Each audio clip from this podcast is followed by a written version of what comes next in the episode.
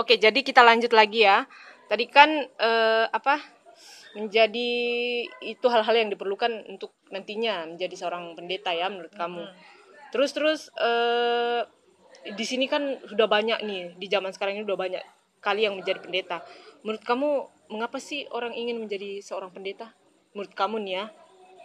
Kalau saya justru sekarang banyak ya eh, sudah sudah mulai ini Sudah kurang, mulai kurang minat oh lagi sudah untuk- oh yang sekarang yang kamu lihat nih. eh, kalau dibilang kurang minat tapi di berbagai daerah juga banyak banyak sudah banyak sekolah-sekolah teologi yang Iya. jadi bagaimana ya kayaknya memang sih eh, puji Tuhan kita bersyukur karena gereja-gereja sudah mulai eh, apa perhatian dengan kebutuhan kita sekarang ini jadi kalau dulu kan sekolah teologi itu masih jarang Iya. masih- dan juga jauh susah dijangkau jadi anak-anak eh, apa yang mau masuk eh, sekolah teologi itu pasti berpikir untuk jauh dari orang tua bahkan mungkin biayanya yang mahal tapi sekarang kan sudah banyak sekolah-sekolah teologi yang menawarkan banyak beasiswa juga dan sebagainya jadi eh, yang memotivasi sebagian besar anak-anak muda untuk mau jadi pendeta Iya. Mungkin ada yang memang punya cita-cita Oh sudah iya ya Iya, sudah dari cita-cita sana dari ya, kecil betul. mereka mengagumi seorang pendeta lalu bagaimana kemudian besar nanti mereka ingin jadi pendeta tapi ada juga mungkin yang kayak saya karena pengalaman iman atau Iya. ada juga yang kayak teman saya tadi karena pelarian Iya, dicoba-coba awalnya ya. banyak sih sebenarnya yang yang membuat orang bisa masuk sekolah teologi tapi sebenarnya inti daripada itu sebenarnya tidak ada namanya pelarian tidak ada Ya karena betul. Ya mungkin apa, karena tapi itu- panggilan-panggilan itulah ya. Ya betul. memanggil kita cuma kita tidak menyadari Ya. itu adalah panggilan Tuhan Oke. Terus ini menurut kamu nih profesi pendeta itu seperti apa? Apakah menyenangkan kah atau ya biasa-biasa aja kah atau gimana gitu? kalau saya menyenangkan kalau kita bisa nikmati Oh Kalau kita kalau bisa nikmati tergan- ya, berarti tergantung pribadi-pribadi orangnya. masing-masing ya. kalau saya menyenangkan karena bagaimana kita tergantung dari suasana orang-orang suasana hati orang-orangnya Kalau saya sih Oh, iya menyenangkan. ya, ya betul. Dijalanin secara ya bahagia-bahagia aja ya.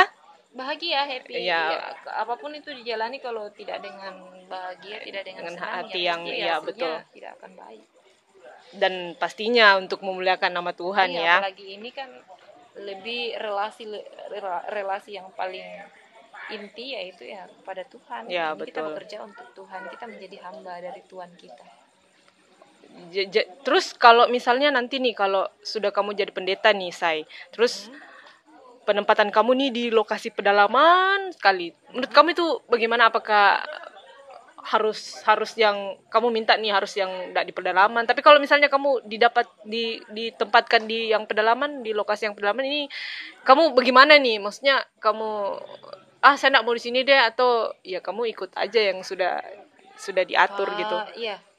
Jadi sebenarnya justru saya sebelum masuk sekolah teologi itu saya sudah digambarkan memang dari keluarga.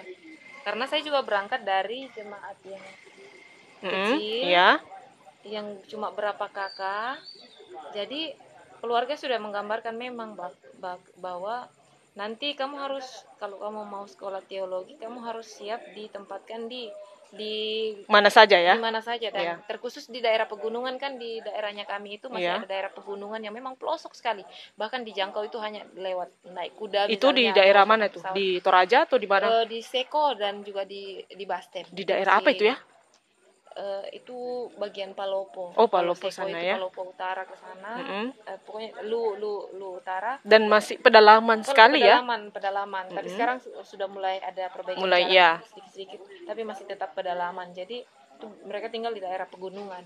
Jadi memang sebelum masuk sekolah teologi pun saya sudah mengetahui konteks-konteks di mana nanti akan ditempatkan sudah digambarkan memang secara ini ta dari keluarga. Nah setelah masuk juga saya sudah memang sudah siap mantapkan mantapkan diri bahwa kalau di mana pun Tuhan di mana pun nanti Tuhan mau tetapkan saya di, bekerja di situ melayani Tuhan di situ melayani jemaat Tuhan ya siap harus siap makanya tadi saya bilang apa yang harus dipersiapkan pertama kali jadi pendeta itu ya memang fisik dan mental Iya. karena itu beda ah, banyak tantangannya nanti. Oke terakhir nih, Ya. eh, apa sih yang mau disampaikan dari saudara saudari Risma nih eh, melihat anak-anak muda sekarang yang mungkin sama seperti dirimu yang masih mahasiswi terus sebentar lagi akan jadi pendeta atau apakah saran atau apa yang kamu ber, yang mau di dibagi nih sedikit tips-tipsnya atau apakah untuk mereka yang sedang menjalani seperti sekarang kondisi kamu sekarang nih? Kalau saya eh, untuk teman-teman yang masih yang se- sedang berjuang di sekolah teologi, ya tetap semangat, jangan pernah bersungut-sungut, jangan putus asa.